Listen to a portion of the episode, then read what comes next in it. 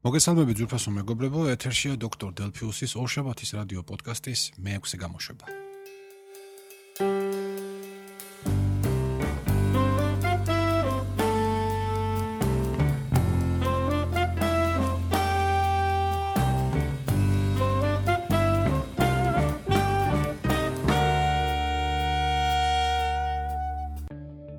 როგორც ალბათ დაკურებულმა სმენელმა ვინც მუდმივად უსმენს ჩემს გადაცემას, ალბათ ესეთი სამწუხაროდ შეიძლება საწყის ეტაპზე ცოტა შეამჩნევდით, რომ ახლა ძალიან ცუდი წინადადება გაუმივიდა.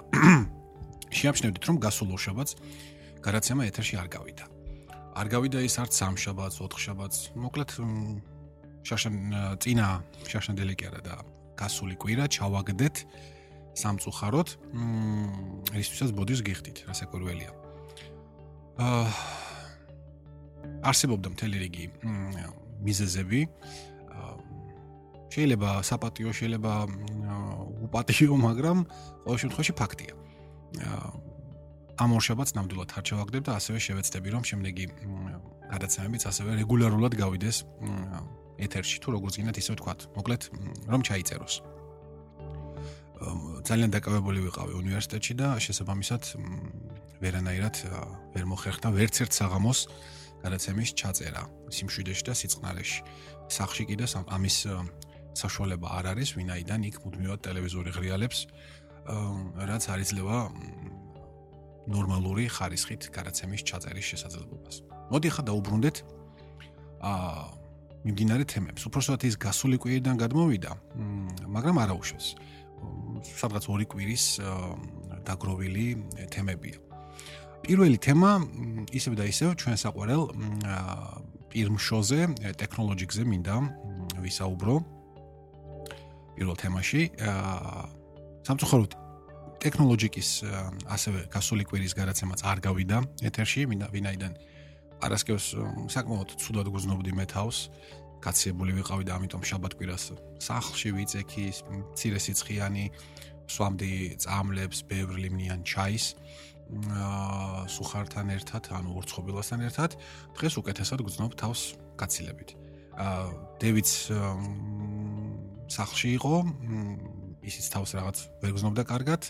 ანზორიც როგორც თვითონ გთხოვა ორ გადაცემას გამოვტოვებდა, ანუ გასული კვირის გადაცემა ზუსტად ის მეორე იყო და ძალიან დიდი იმედი მაქვს, რომ ამ პარასკევიდან ის კვლავ შემოგვიერთდება. მაგრამ ეს არ არის ძირითადი სასაუბრო თემა. სასაუბრო თემა ის არის, რომ ჩვენ ცოტათი გადავასხოფერეთ ტექნოლოგიის გადაცემის ვიზუალური ნაწილი. თქვენ კარგად იცით, რომ მარტო ხმას კი არ ვწერთ, არამედ გამოსახულებასაც. და ორი ფრიად საინტერესო სიახლე გვაქვს. პირველი ის, რომ ბოლო გადაცემა ჩვენს ჩავწერეთ სხვა ოთახში, არა ჩემს ოთახში, რომელიც შედარებით მცირე ზომისაა. და თქვა აქ მართლაც არც თუ ისე მოსახერხებელია სამი ადამიანის იმპათია მაგიდასთან დაჯდომა, რომელიც ჩვენ რომელსაც ჩვენ ვიყენებდით ხოლმე, ამიტომაც გადავწყვიტეთ დევის უფრო დიდ ოთახში, სადაც ბევრი ადამიანი ზის, იქ გადაგვეტანა ეს ყველაფერი. უნივერსიტეტში მოვძებნეთ მაგიდა, ну რაც კი შეიძლება ვთქვა, თავისუფალი მაგიდა შევიტანეთ. დევის მოვიდა ძალიან კარგი იდეა, რათა ну ეს იყო უბრალოდ ჩაოლებრივი მაგიდა, უსახური, სტანდარტული, ასე ვთქვა, დაწესებულებების სათათბირო მაგიდის ერთ-ერთი ნაწილი. ამიტომაც დევი მოძებნა ინტერნეტში სხვადასხვანაირი ელექტროსქემების გამოსახულებები და როგორც ჩვენი გადაცემა თვითონ არის გაფორმებული ტექნოლოგიკი, ტექნოლოგიკა, ტექნოლოგიკა, რადგან მართა. აა ის სქემები ისევ ამოიღო, დაუბეჭდეთ, გადაობით ერთმანეთზე და რაღაც გარკვეული უფრო უკეთესი ელფერი შევძინეთ. ახლა ვერ ვიტყვი რა თქმა უნდა ეს ან CNN-ის სტუდია ან რომელიმე მსხვილი კომპანიისა, ტელეკომპანიისა, მაგრამ ყოველ შემთხვევაში უსახურ მაგიდას ჯობია რომ რაღაც უფრო შედარებით ლამაზი ფორმის მაგიდა ჩანდეს გამოსახულებაში, ვიდეოში. ამის გარდა მოუძებნეთ ჩვენს ერთ-ერთ ოთახში გვაქვს შენახული დიდი და ძალიან მძიმე სადგამი, რომელზეც მაგრდება ტელევიზორი და რომელსაც ვიყენებთ ხოლმე სხვადასხვა ღონისძიებების დროს, როდესაც საჭიროა, რომ ბევრმა ადამიანმა ერთად უყუროს რაიმე ტრანსლაციას გადაცემას შევათრიეთ ეს სადგამიც ასევე დევის ოთახში. დავკიდეთ გვაქვს ჩვენ სპეციალურად ტელევიზორი რომელიც ასევე დევის ოთახში კედელზე კიდე მაგრამ საპირისპირო მხარეს და ამიტომაც კადრში ის ვერაფრით ვერ გამოჩნდებოდა და ზედ გამოვიტანეთ გარკვეული სახის გამოსახულება რაც თქვათ ინტერაქტიულობისათვის უკეთესია რასაკვირველია აა მოკლედ ცოტა ცოტა უფრო გავაუმჯობესეთ ფიქრობ რომ საკმაოდ საინტერესო გამოვიდა. მივიღეთ რამდენიმე აა ასე ვთქვათ დადებითი გამოხმაურება ამის შესახებ რამაც ფრიად გაგვახარა. ის კი არა და შემოვიდა რამდენიმე თხოვნა რომ იქნება ესეთი საჩიელება რომ ვიშოვნოთ ესეთი გადასაფარებელიო ну მე ავხსენი რომ ეს არ არის სადმე ნაყირი, არამედ რაღაც ხელით შეკოწიწებული ვარიანტია. აა და მეთქი უბრალოდ ამობეჭდეთ თქვენს და მიაწებეთ და გამოვა დაახლოებით იგივე რაღაც. მაგრამ ამაზე გაჩერებას ჩვენ არ ვაპირებთ. გვაქვს მეორე სიახლეც. კერძოდ, უნივერსიტეტმა გამოიჩინა გარკვეული კეთილინება, რისთვისაც უღრმესი მადლობა მინდა მას უნივერსიტეტს და იმ ხალხს უთხრა ვინც ეს კეთილინება გამოიჩინა და დროებით სარგებლობაში რასაკურველია მოგცემს ხოლმე გვათხოვებს ყოველ პარასკევს ერთ-ერთ ნახევრად პროფესიულ ვიდეო კამერას. და მეთანხმებით ახლა რომ iPhone 6 არ არის ცუდი მოწყობილობა იმისთვის რომ გადავიღოთ ჩვენი გადაცემები და ფიქრობ რომ ცუდი გამოსახულება არ ყოფილა ხოლმე. ეხლა გვინდა მოვსინჯოთ ამ კვირაში სანამ პარასკევი დადგება, მანამდე ამ ვიდეო კამერას ვითხოვებთ. ჩავატარებთ პატარა ტესტებს, ნახავთ რა რამდენად კარგი გამოსახულება გამოდის, რამდენად უკეთესი გამოსახულება გამოდის და რაც ყველაზე მთავარია. აა ძალიან გვინდა რომ აა ორ წერტილოვანი გადაღება მოახდინოთ ხოლმე და მე მონტაჟის დროს გამოვიყენოთ სხვადასხვა ხედები იმის დამიხედვით როგორ არის ეს აუცილებელი. აა ესეც არის ერთგვარად ექსპერიმენტი იქნება. თუ გამოგვივიდა თუ კარგი იქნება თუ თქვენ ძვირფასო მაყურებლებო მოგეწონებათ რასაკვირველია გავაგზავნებთ. თუ არაფერს ისე განსაკუთრებულად არ შეცვლის, მაშინ შეგვიძლია დავანებოთ თავი, იმიტომ რომ ახლა როდესაც გამოსახულებას ერთი წერტილიდან ვიღებთ, ხო, არაფერი იქ სამონტაჟო არ არის, არის ერთი გამოსახულება ზედ ედება ძალიან მარტივად კომპიუტერში ჩაწერილი ხმა და ამით მთავრდება ყველაფერი. აა ნახოთ, ნახოთ, მოკლედ ამ პარასკევს იქნება ის პირველი ექსპერიმენტი, იმედია რომ სამივე ჩვენგანი ჯანმრთელად იქნება, არ გავაცდენთ და აუცილებლად ჩავწერთ ტექნოლოგიას აა მორიგ გამოშვებას. კიდევ თქვა ამ თვეში უკვე ალბათ ვერა, მაგრამ კაცრავად. შემდეგ თვეში მინდა რომ კიდევ უფრო უკეთესი მაგიდა ვიშოვნოთ და განათების საკითხი მოვაგვაროთ, იმიტომ რომ ახლა გადაცემის ჩაწერა ხდება უბრალოდ ჩოულებრივი საოფისე ნათურები რაც ჭერზე არის დამაგრებული ეს CV განათება რო არის ეგრეთ წოდებული. აა მისი საშუალებით და ეს არც თუ ისე მისაღები ვარიანტია. და მეთანხმებით ალბათ. მოგეთ ეს რაც ტექნოლოგია შეეხებოდა. უნივერსიტეტში კიდევ კლავაც ორიოდე სიტყვით ვიტყვი რომ აა ძალიან ბევრი საინტერესო სამუშაო გამოგვიჩენდა კიდევ უფრო მეტი საინტერესო ვიდრე თავს. ნუ ყოველ შემთხვევაში მე საკუთარ თავზე ვიტყვი რომ აა მაგალითად ეს ორი დღე რო ვიყავი სახლში ვიწექი და თქვა უსაქმოდ ну არა თვალთ უსაქმოდ არა რაღაც რაღაც საქმეებს ვაკეთებდი თუნდაც პლანშეტიდან ან ნოუთბუქიდან მაგრამ დაუშვათ არ შემეძლო შაბათს გამოსულიყავი და მემუშავა ხო შეიძლება ზოგმა თქვას რომ გიჟი ხარ ვიღაცა ხარ რა გინდა შაბათს სამსახურში ну იცით რა მე მსიამოვნებს აქ მოსვლა ყოველ დღე ну ერთი კვირის ერთი კვირა დღე ალბათ მართლაც საჭირო არ ადამიანმა დაისვენოს მაგრამ აი შაბათის ჩაგდება ხოლმე ფრიად არასასიამოვნოა იმიტომ რომ მირჩევნია რომ აქ რაღაცა ვაკეთო. აი ესე ამგვარად არის სასიამოვნოთ სამუშაო დაყენებული ილიას სახელმწიფო უნივერსიტეტში ყოველ შემთხვევაში ჩემთვის. იმიტომ რომ მე აქ ყოველთვის დილას მოვიჩქარი დიდი სიამოვნებით და სიხარულით. და ბევრ საინტერესო საქმეს ვაკეთებ ხოლმე ეს პირველი თემა რაც შეეხებოდა ტექნოლოგიას, უნივერსიტეტს და ასე შემდეგ. კიდევ ერთი საინტერესო თემა, რომელიც მე ადრე დაკვირდით, რომ ხან ახან ხოლმე შევეცდები ჩავთო ისეთი gare gare საკითხები, რომელიც ჩემს გარშემო არ მომხდარ, არამედ უბრალოდ სოფლიოში ხდება. ну, რაზე უნდა ვისაუბრო, ხო? მე ახლა იქ ჭრაკერვაზე და ბალეტზე ამ გადაცემაში არ ვისაუბრებ, თუმცა ბალეტი ძალიან მიყვარს, აი ჭრაკერვის რა მოგახსენოთ. ამიტომაც ვისაუბრებ ისე Apple-ზე ხოლმე, ვინაიდან ხშირად არ მეძლევა საშუალება, ან არ არის ხოლმე საშუალება, რომ თქვა ტექნოლოგიაში უფრო ფართოდ გავშალო. აქ მე როგორც მინდა ისე ვისაუბრებ. მოკლედ, არის ჭორები იმის შესახებ, რომ უახლოეს პერიოდში, სადღაც სექტემბრის ბოლოს ან მარტის დასაწყისში Apple წარმოგვიდგენს სრულიად განსხვავებულ პროდუქტს.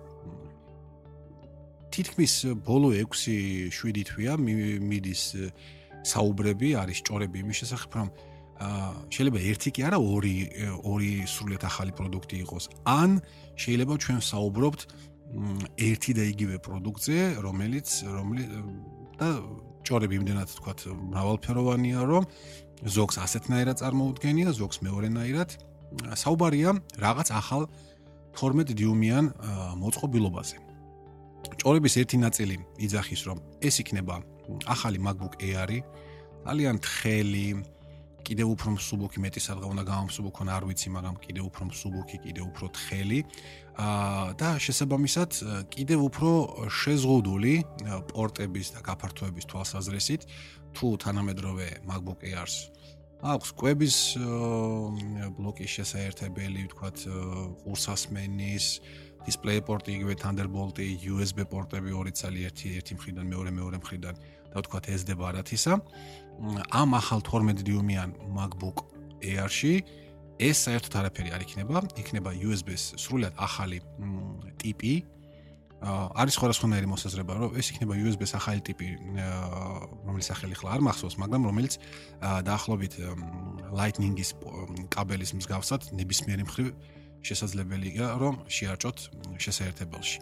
ან მეორე მხრივ საუბრობენ რომ შეიძლება იყოს მხოლოდ lightning-ი და აი ამ ერთი კაბელის და აი ამ ერთი პორტის საშუალებით მოახდენს მოხდება ამ კომპიუტერთან ურთიერთქმედება, თქვა იქ დატენვაც, იქ ინფორმაციის გადაცემაც და ასე შემდეგ. არ ვიცი, ძალიან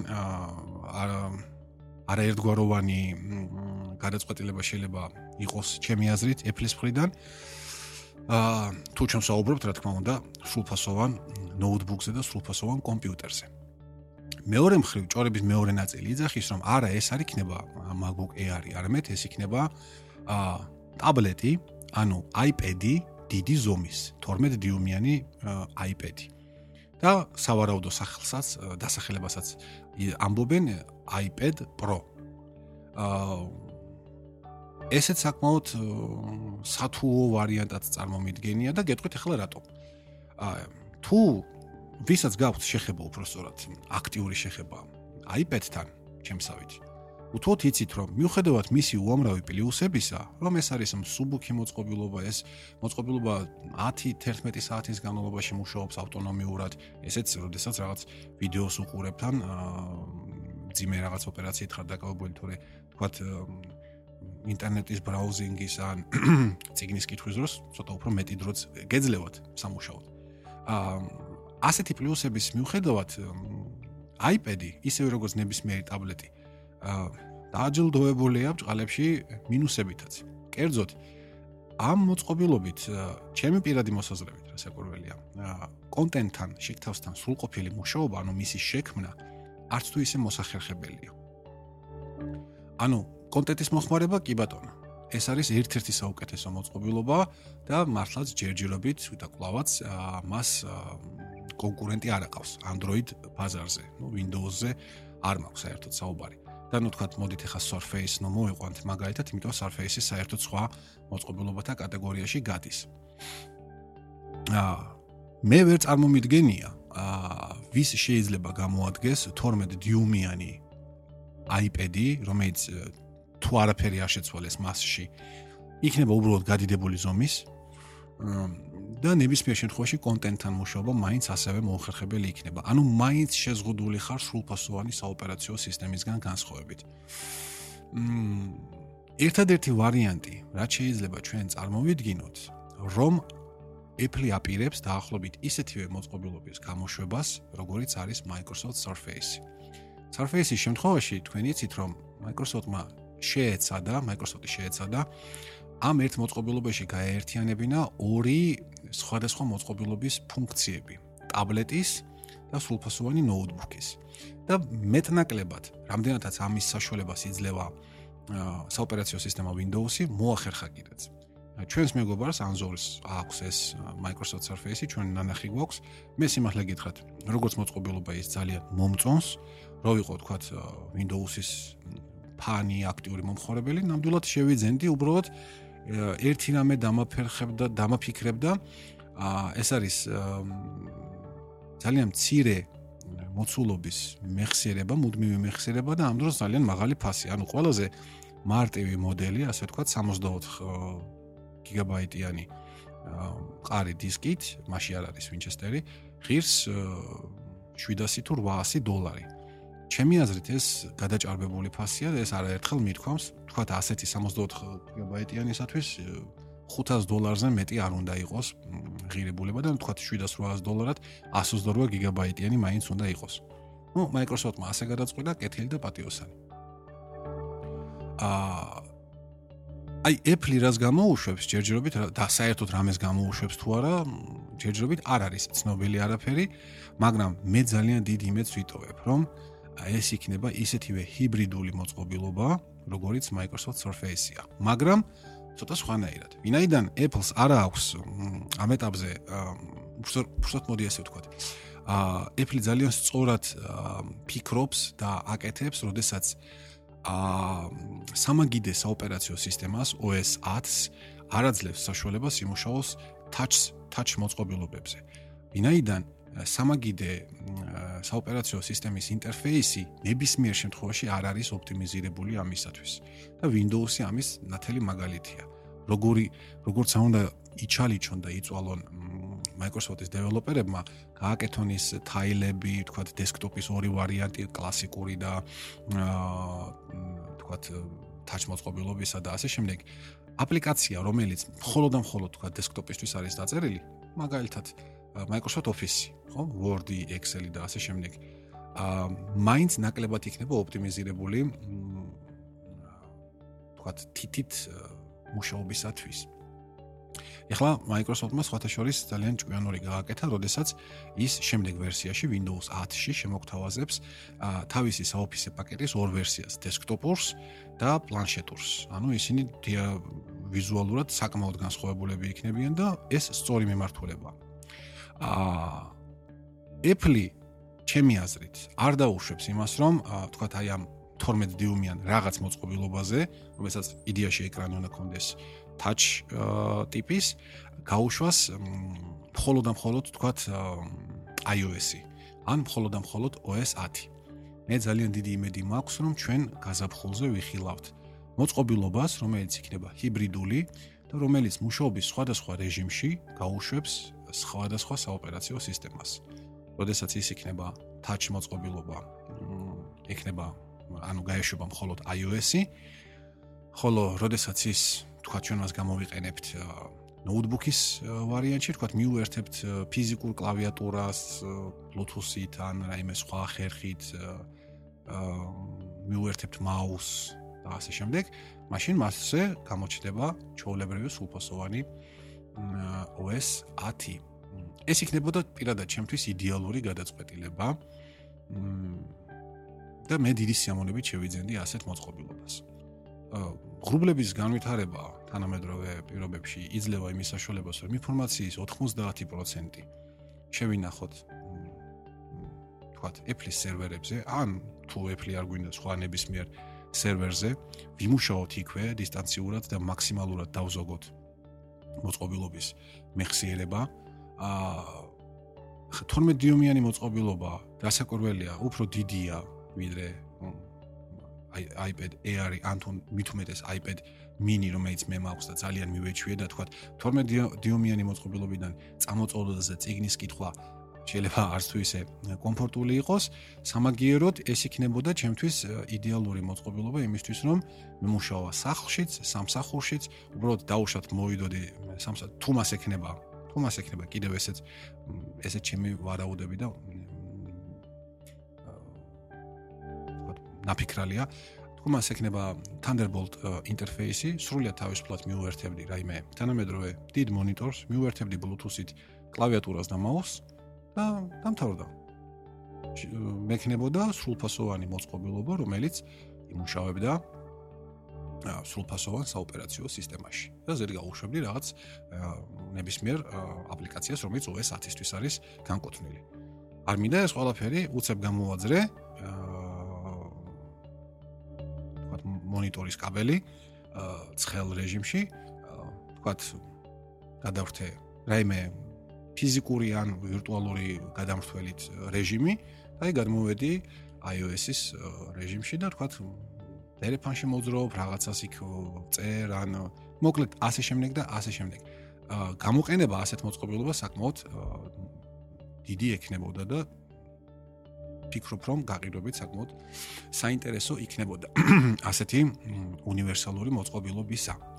მაგრამ მარტო ეს ერთი ჭორი არ დაგროვდა ამ ორი კვირის განმავლობაში. ეს იყო წინის წინაკვირის ინფორმაცია უფრო აქტუალური, ხოლო აი გასულ კვირას გავრცელდა ფრიად საინტერესო ჭორი, კლავაც, კლავაც ჭორებზე გვაქვს საუბარი, რომ Apple-მა გადაწყვიტა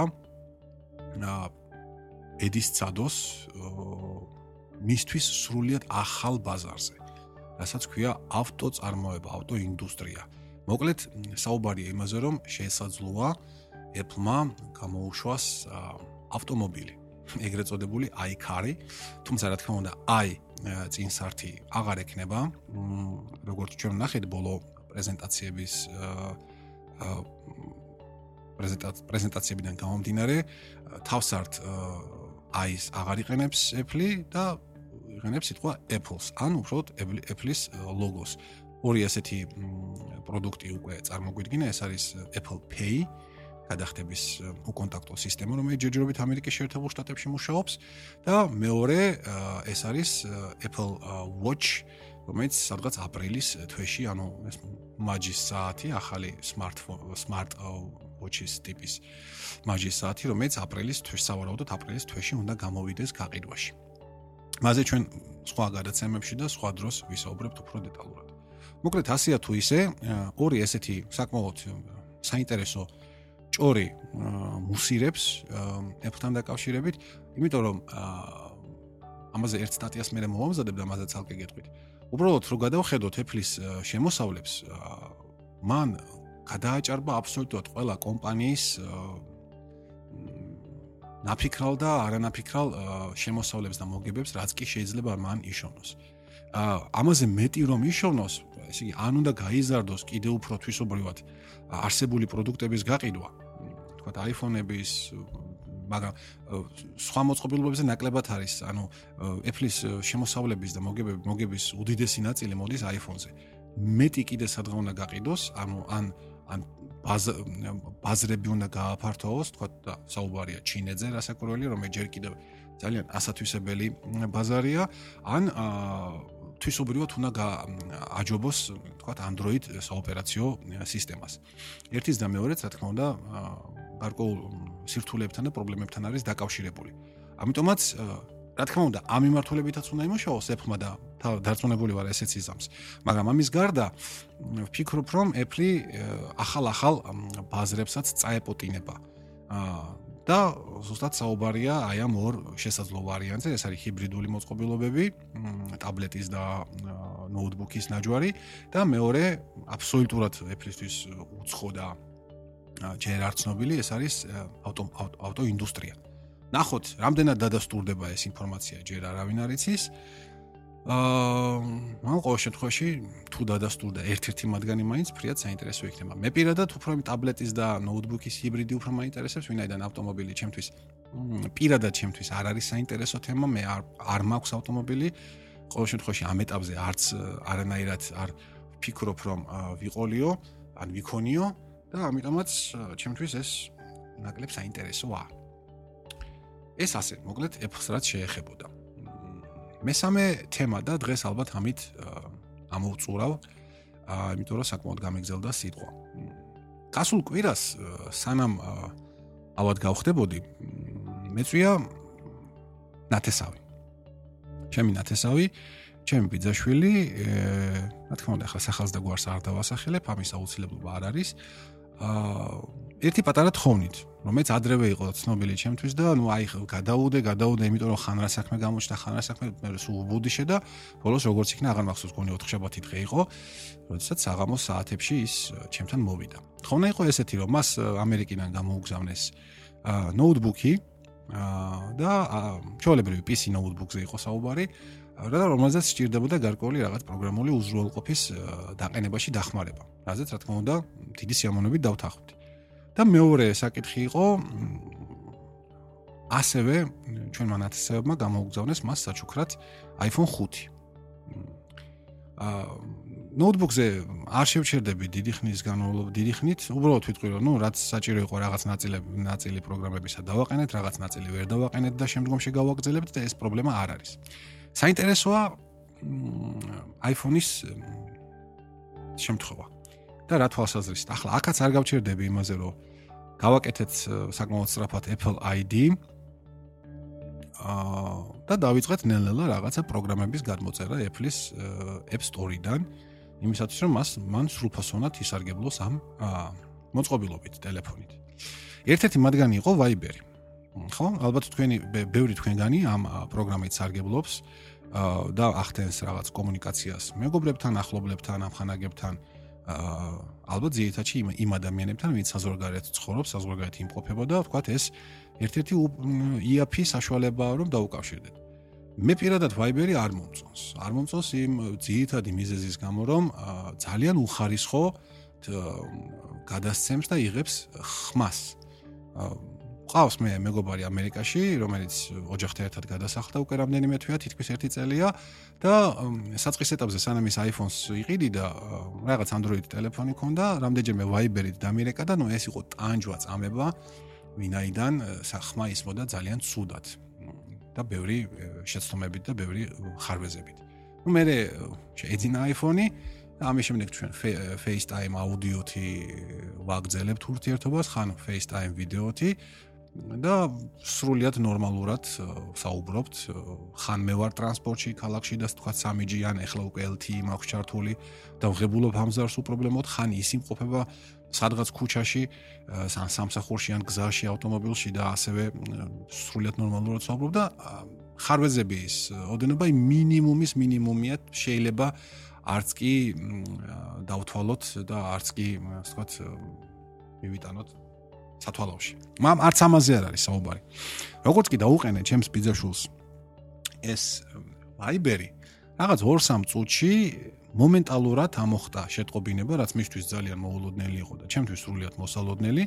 ვინაიდან Viber-მა სატელეფონო სიის მიხედვით, რაც ტელეფონში ნომრები იყო ჩაწერილი, პრაქტიკულად იმათ, ვისაც ასევე Viber-ი უყენია, ამცნო დაუყოვნებლივ, რომ ჩემმა ბიძაშულმა თავის ტელეფონზე ეს აპლიკაცია დააყენა. და რასაკურველია უკვე რამდენიმე ადამიანმა ერთმა მესიჯი მოწერა რომ ყოჩა ყოჩა კარგია რომ დააყენო და ვისაუბრებთ. მეორემ დაურეკა საერთოდ ამ ვაიბერზე აი ეს ხდებოდა დაყენებიდან 2-3 წუთში დაახლოებით. და საინტერესო იყო ამ ჩემი ათესავის შეშფოთება ამასთან დაკავშირებით.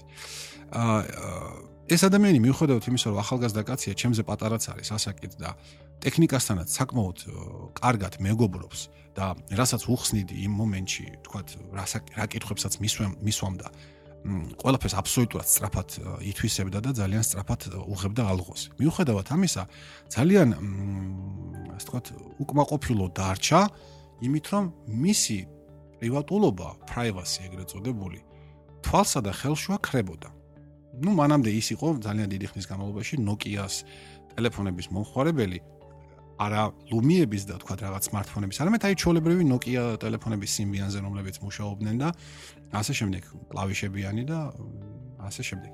აა, სადაც თქვა პრივატულობა, რა თქმა უნდა, მაინც გარკვეულწილად რაღაცნაირად შეიძლება დარღვეულიყო. მე ახლა არ ვარ Nokia-ს მომხმარებელი, არც არასოდეს არ ყოფილვარ და ამიტომაც არ ჩავეძიები ამას, მაგრამ ყოველ შემთხვევაში ასეთი რაღაცა მან პირველად დაინახა, რომ უცებ პროგრამამ მისი ნებართვის გარეშე ადგა და ყოველას შეატყობინა რომ ეცით რა აი ამ ადამიანს აქვს უკვე ხა ტელეფონზე Viber-ი, მიდით დაურეკეთ, მიწერეთ, კონტაქტეთ და ასე შემდეგ.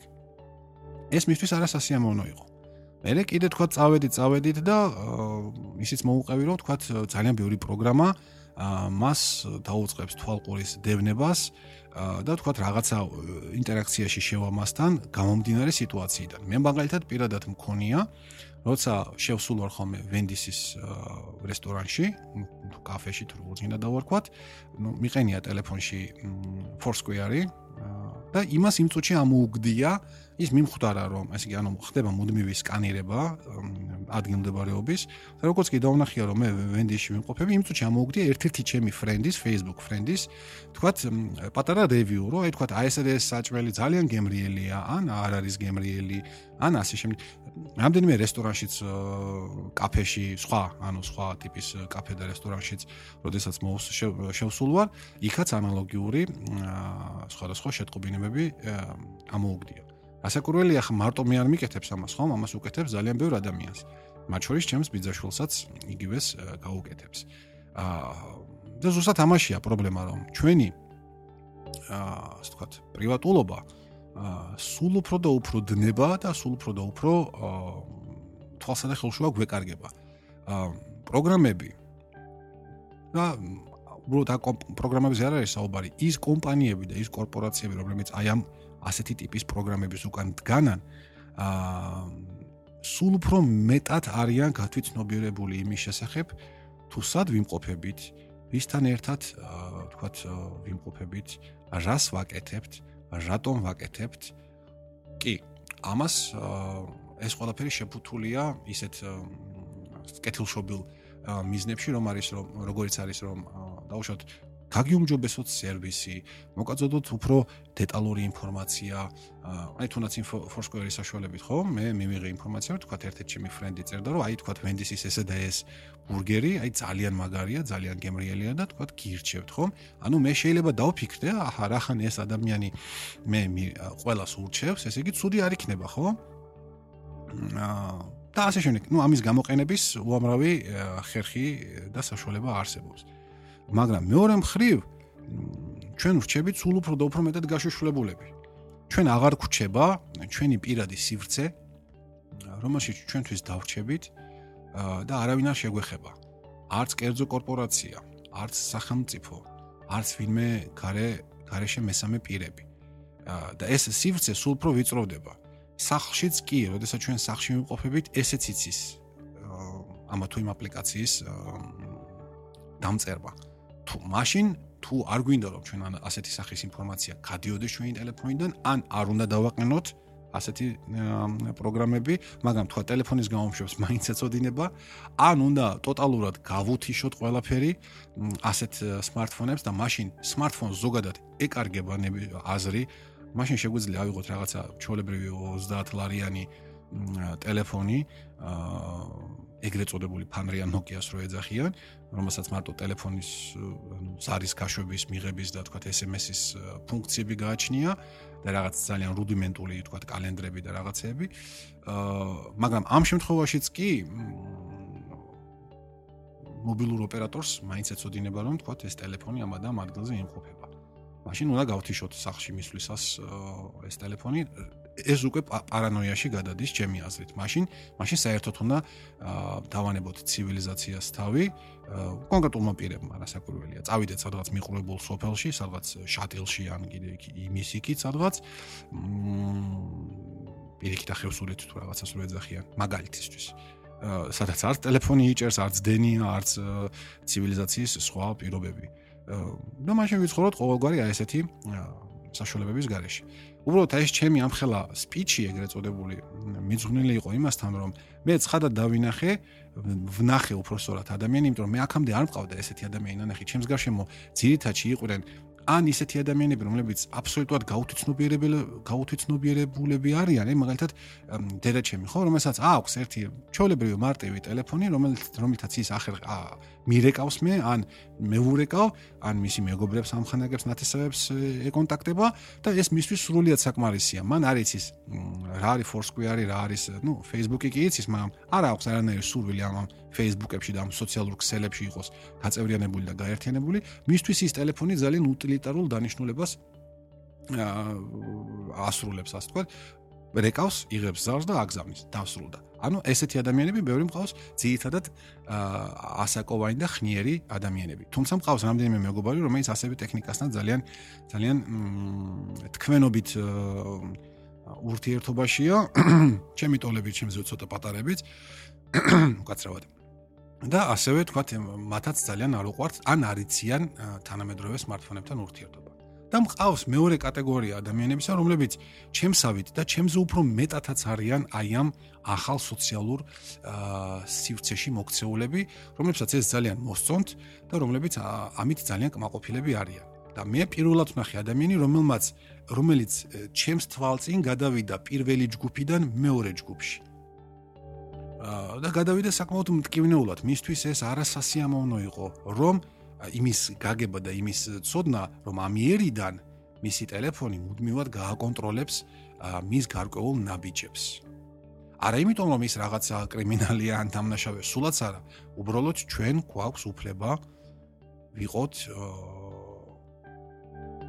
ვთქვათ, ჩვენს პირად სივრცეში ხელშეუხებელნი.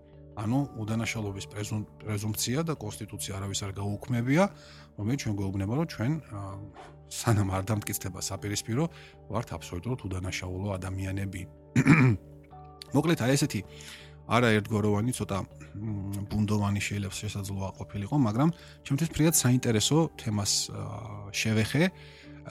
მე შემდგომ გადაცემებშიც რასაკურველია, როგორც როგორც კი ამის შესაძლებლობა იქნება, ვისაუბრებ ხოლმე privacy-ზე, ეგრეთ წოდებულზე, პრივატულობაზე, პირადი სივრცის დაცვაზე.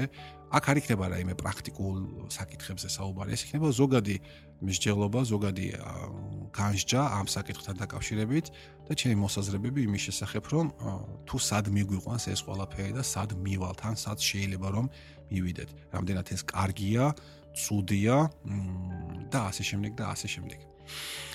დღეისთვის ალბათ დავასრულებ. კიდე ერთი თემა იყო, მაგრამ მე მას შემდეგი კვირის გადაცემისთვის შემოვინახავ, იმიტომ რომ ისიც საკმაოდ საინტერესოა, ისიც საკმაოდ ფილოსოფიურია. დაელოდეთ აუცილებლად შემდეგ ორშაბათს ამ თემაზე ვისაუბრებ. ამით დღევანდელ გადაცემას ვასრულებ. დიდი მადლობა ყურადღებისათვის. კარგად ბრძანდებოდეთ.